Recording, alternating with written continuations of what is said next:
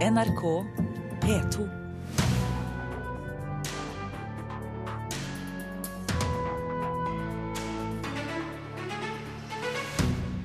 Museene må få selge unna det de ikke trenger, det mener Fremskrittspartiet. De fleste museene våre er overfylt, og kulturhistoriske bygninger forfaller.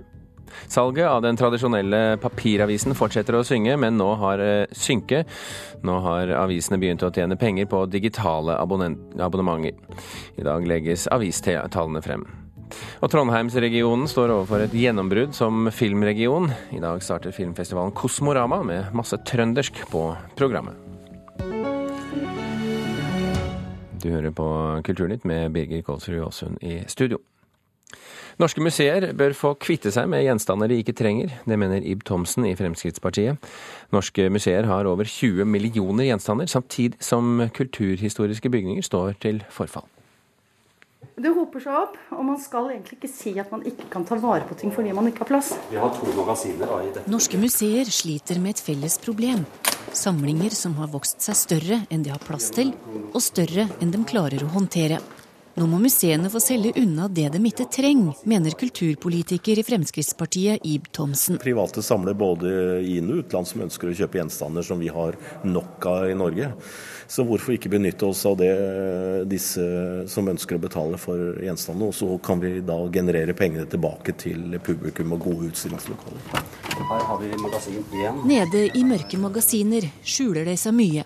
Norske museer har ansvar for 20 millioner gjenstander. Jeg, jeg, tror vi må være litt bevisst på den samlemanien som kanskje var til dels eh, veldig gjeldende fram til kanskje 1980 og kanskje helt frem til vår tid. At man har måttet eh, skulle ta vare på alt. Sier Kristin Margrethe Gaukstad, som er avdelingsleder for dokumentasjon og samling ved Oslo museum. På museumstunene hoper det seg også opp. Nå er vi i bruksfjøset vårt på museet. 5000 kulturhistoriske bygninger skal passes på. Av de 513 husa som Anno museum har ansvar for, så er det en del hus som, som, det ikke er en veldig klar grunn til at man skal ha som del av museumssamling. Vær så god, stig på. Sier Jorunn Gunnestad, som er konservator ved Glåmdalsmuseet, en del av Anno museum i Hedmark. De har nylig gjort et pilotprosjekt gjennomgått samlinga og fått en oversikt over vedlikeholdsbehovet. Her er eh, hele innmaten i stokken eh, råtna. Og vi har ganske godt grunnlag for å påstå at de skadene vi har registrert, representerer 100 år til sammen i arbeidstimer. Den bør skiftes. Denne oversikten er unik i Norge. Men forfallet er langt fra unikt. Flere museer sliter med å holde tritt, og både gjenstander og hus forfaller. Anno har allerede solgt bygg og er åpne for at det kan skje igjen. Ja, rett og slett fordi at i en del tilfeller så vil det da tilsi at det er ikke museet som er best egnet til å ta vare på det. Slik har det ikke vært vanlig å prate i museumskretser. Men det tvinger seg fram. Økonomi er én ting, plassmangel en annen. Den hindrer dem i å dokumentere samtida. Så det er klart vi må jo se på hva det er vi har lite av på museet, og da er vi jo på 1900-tallshus og opp til vår egen tid. F.eks. er bureisningsperioden. Jeg har lyst på en vannseng fra 1980, f.eks. Altså være mer sånn ikonisk enn det, men vi har ikke plass. Men kanskje kan drømmen om vannseng på Oslo museum bli oppfylt. For i disse dager sendes resultatet av et nytt pilotprosjekt ut på høring i Museums-Norge. Der nettopp museenes mulighet til å kvitte seg med gjenstander er satt på dagsorden. Og denne saken var laget av Torunn Myhre, som du hørte her, og hun fikk hjelp av Tove Kampestuen Heierdal. Samlingsleder ved Bymuseet i Bergen, Anne Bjørke, velkommen til eh, Kulturnytt. Takk for det. Dere som leder dette prosjektet vi nettopp hørte om her. Eh, syns du det er en god idé å selge museumsgjenstander slik eh, Ib Thomsen ivrer for? Ja, eh, nå er det jo ikke noe enkelt svar på det. Men både vårt høringsutkast til retningslinjer for prioritering i kulturhistoriske samlinger som Kulturrådet nå skal sende ut på, på høring, og eh, det internasjonale museumsetiske regelverket åpner faktisk for salg av museumsgjenstander. Men, og der er en del men, det kan først skje etter en grundig vurdering av verdien av den enkelte gjenstand Eh, og hvis det da er slik at en bestemmer seg for å ta en gjenstand ut til samlinga, så er det et prinsipp at den først skal tilbys til andre museer. Mm. Men, ja. men, men, men, det løser jo for så vidt ikke problemet med at det akkumulerer veldig mange gjenstander i, i akkumuleres veldig mm. mange gjenstander i, i, norske museer?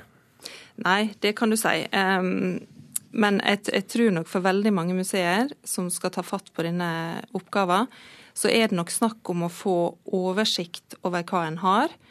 Um, og så stille seg spørsmål hva av det vi har er det viktigst å ta vare på for ettertida.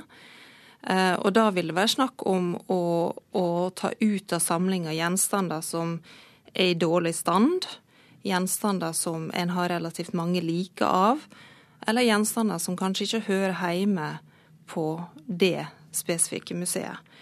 For, for, det er vel egentlig bare to metoder her man kan velge. Det ene er å, å, å kvitte seg med en del gjenstander. Det andre er å få stadig større museumsbygg. Ja, det, det, er egentlig det. Og jeg tror veldig mange etter hvert innser at eh, den, eh, den eh, pengekassa er ikke utømmelig. Der er skrikende behov for bedre museumsmagasin i Norge. Men jeg mener også at mange kan frigjøre en del plass og, og utbedre de forholdene de har, hvis de tør å ta stilling til det de har i samlingene per i dag. Jeg, jeg hører jo at du er veldig eh, hva skal vi si, diplomatisk i måten du formulerer deg på. For det å frigjøre plass, det betyr jo egentlig å kvitte seg med saker, gjør det ikke det? Jo, eh, delvis gjør det det. Det betyr også å ut... Eh, altså å, å, gjøre bedre nytte av den plassen en har. Eh, men når det er snakk om å kvitte seg med gjenstander, så, så vil det ifølge eh, det internasjonale museumsetiske regelverket og de retningslinjene som vi nå sender ut på høring, så vil det bety at det først blir tilbudt til andre mm. museer. Eh, hvis det er ingen andre museer som vil ha gjenstandene, så mener vi at de bør tilbys til, til andre altså frivillige lag og organisasjoner, rekvisittlager på teater, eh, attføringsbedrifter, hva vet jeg. Ehm, sånn at, at, de kan komme offentligheten til gode på et eller annet vis. da. Og hvis en ikke får til det, så kan en vurdere salg eller eventuelt tilbakeføring til giv. Har norske museer simpelthen samlet for mye? Ja, det tror jeg vi må kunne si at en langt på vei har. Um, og det føler jeg at jeg kan si med, med litt tyngde, fordi at jeg har sett veldig mange museumsmagasin.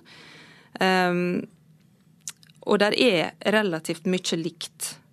Og der er også en del som um, har blitt tatt imot, kanskje med tanke på at en skulle vurdere det senere når en fikk, fikk kapasitet, og så har den vurderinga aldri blitt gjort. Men nå er det kanskje lys i tunnelen i så måte. Anne Bjørke ved Bymuseet i Bergen, tusen hjertelig takk for at du kunne være med i Kulturnytt. Og dette skal altså nå ut på høring, og så får vi se hvordan det vikler seg ut etter hvert.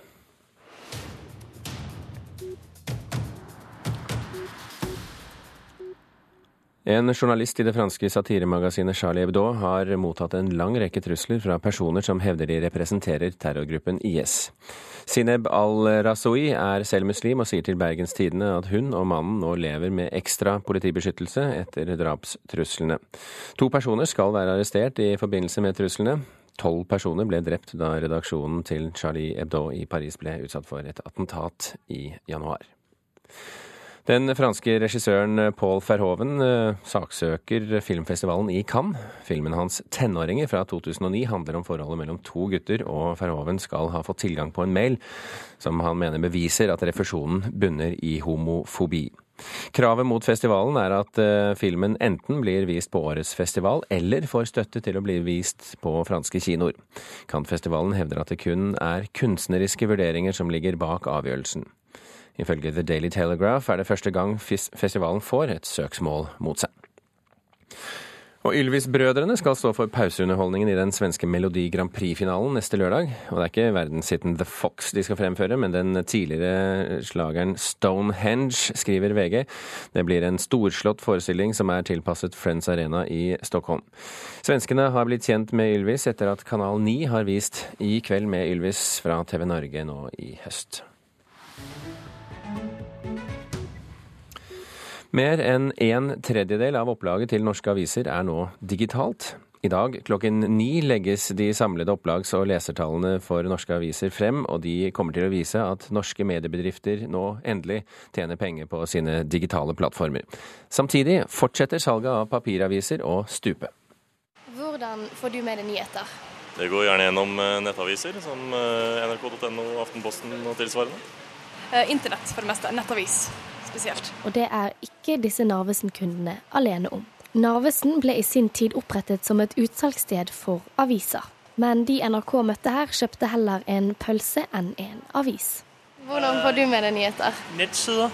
Og så har jeg et digitalt abonnement på en digital avis. Stadig færre leser den klassiske papiravisen. Men folk er villige til å betale for digitalt innhold. I dag legger Mediebedriftenes Landsforening frem de norske mediebedriftenes opplag og lesertall. Over en tredjedel av opplagene er digitalt. Det betyr at vi ser at leserne våre de vil ha vårt redaksjonelt innhold, og det blir med oss eh, inn i det digitale.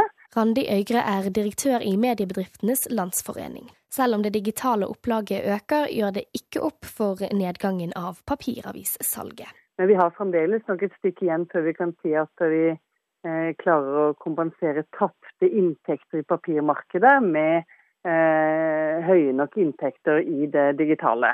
Vi har gått fra 0 til 220 000 eh, digitale abonnenter, altså abonnenter med digital tilgang. Are Stokstad er konserndirektør i Amedia, Norges største mediekonsern. Her er pessimisme snudd til optimisme på tross av sviktende annonseinntekter. Årsaken er at Amedia synes de i stor grad har lykkes med sin digitale satsing. Jeg er mer optimistisk nå. Det mest spennende og morsomme utfordringen er også den viktigste. Hvordan skape gode nok produkter, god nok relevans, som gjør at, at eh, leserne våre er med oss over i det digitale. Denne utviklingen er allerede i gang. De siste årene har flere regionaviser eh, opprettet en ofte kalt betalingsmur på sine nettaviser. Og denne helgen så kunne norske SAS-passasjerer for siste gang få papiraviser på vei inn på flyet. For nå får passasjerer tilbud om å laste ned aviser og magasiner på nettbrett og mobiltelefoner før avreise. Men selv om salget av digitalt innhold øker, er det ikke alle som ønsker å betale for innhold på nett. Er det noe du kunne tenke deg å prøve? Jeg tror ikke det, for jeg får lest det jeg trenger uten å ha et abonnement. Reporter her, det var Marie Røsland. Erik Wilberg, førsteamanuensis ved Institutt for strategi og logistikk ved Handelshøyskolen BI. Velkommen til Kulturnytt. Tusen takk.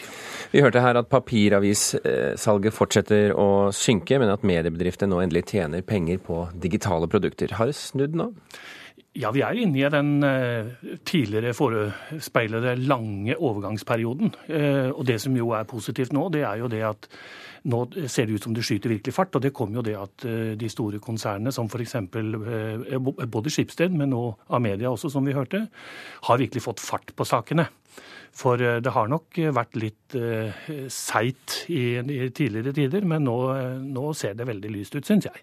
Så er det grunn til å være optimistisk? Ja, altså for eh, Man kan jo si det slik at en typisk norsk lokalavis har jo én verdi, og det er jo den relevansen eller den, eh, den hva skal vi si, opparbeidede merkevaren som den har hatt for sine lesere opp gjennom mange år. Den blir jo ikke tapt umiddelbart.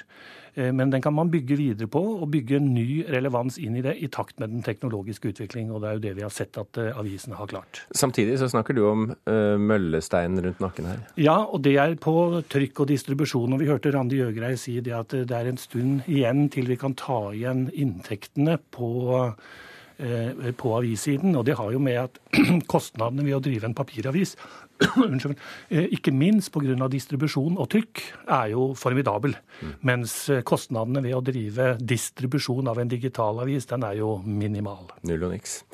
Eh, hva blir så med andre ord den største utfordringen for norske mediehus? Det er å kontrollere kostnadsutviklingen, la meg heller si det sånn, inn i en akselerert kostnadsbesparelse, samtidig som man ikke mister på noen måte trykket på den digitale utviklingen. Det som er det store problemet, er jo altså, Før så har, man jo, eh, har jo mediehusene eh, konkurrert med andre norske mediehus. Nå har vi Google og YouTube og Facebook og alle de andre eh, som tar store biter av det norske mediemarkedet. Hvordan skal da små norske aviser som Tønsbergs Blad f.eks. kjempe mot slike krefter? Ja, De mindre er vel de tryggeste, egentlig. Fordi hvis de har et, en god merkevare og en god kunderelasjon med sine lokale annonsører over tid, og passer på å gi annonsørene de eh, tilbudene de vil ha, så tror jeg det kan lykkes. Men det kreves jo en salgsinnsats og en markedsføringsevne som eh, nok er, eh, ligger hva skal vi si, i overkant av det denne bransjen tidligere har vært kjent for. For det er ikke nok å sende ut en direktereklame eller dele ut avisen gratis i tre uker lenger. Det må liksom noe helt annet til for å, for å få abonnenter med på laget. Hva må til, da? Nei, det, det, som må til, er produktutvikling og relevans. Altså Hvis, eh, hvis leserne finner ut at um, Tønsbergs Blad, Drammens Tidende, Nordlys er bedre enn alternative produkter på det behovet som de har identifisert i sitt lokalmiljø, så kommer dette til å gå bra. Men hvis man legger seg på samme nivå eller eh, forteller de samme historiene, samme sladderet som alle andre, så vil, eh, så vil, nok publikum gå dit hvor det er mest interessant sånn rent underholdningsmessig. Vi har jo ikke de nøyaktige tallene før klokken ni i dag, men vi vet jo i hovedsak hvordan det går, som vi har vært inne på her. Er det likevel noe du er spent på i dag? Jeg er spent på lesertallutviklingen. Eh, når vi ser på hvordan det, eh, hvordan det, har noe med hvor mange eyeballs man når, hvor mange øyne man når. Hvor mye oppmerksomhet man, mye oppmerksomhet man får. Fordi at eh, den, den, lange rekkevidden som, som, disse mediene nå etter hvert får, den er veldig spennende å følge med på. Og spesielt så tror jeg at vi kommer til å se veldig gode tall på mobiløkning.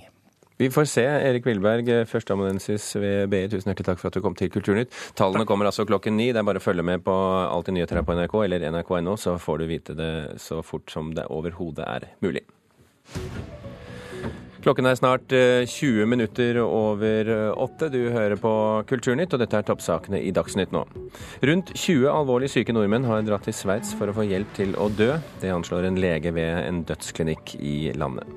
Det er ingen tegn til løsning på flygerkonflikten i Norwegian. Det er 13 innstilte avganger i dag. Og Israels statsminister beskyldes for å sette forholdet til USA på spill når han taler til Kongressen uten å ha informert president Barack Obama på forhånd. Kosmorama filmfestival i Trondheim så dagens lys for eh, ti år siden, og i år er programmet mer trøndersk enn noen gang, hevdes det. Og de åpner med den eh, første norske spillefilmen som er spilt inn i byen. Og det er ikke tilfeldig. Jeg har inntrykk av at eh, Trondheimsregionen står overfor et gjennombrudd som filmregion. Sier Kjetil Lismoen, filmkritiker i Aftenposten og redaktør i filmbransjebladet Rushprint. Sigrid Auge vil bli sett og finne kjærleiken. Vi hadde tenkt å si det til deg. At vi bare ble kjærester. Det bare skjedde, liksom. Faen! Direktør i Kosmorama, filmfestivalen i Trondheim som åpner i dag, Silje Engenes, spiller også opp. Vi har et historisk godt trøndersk eh, filmår.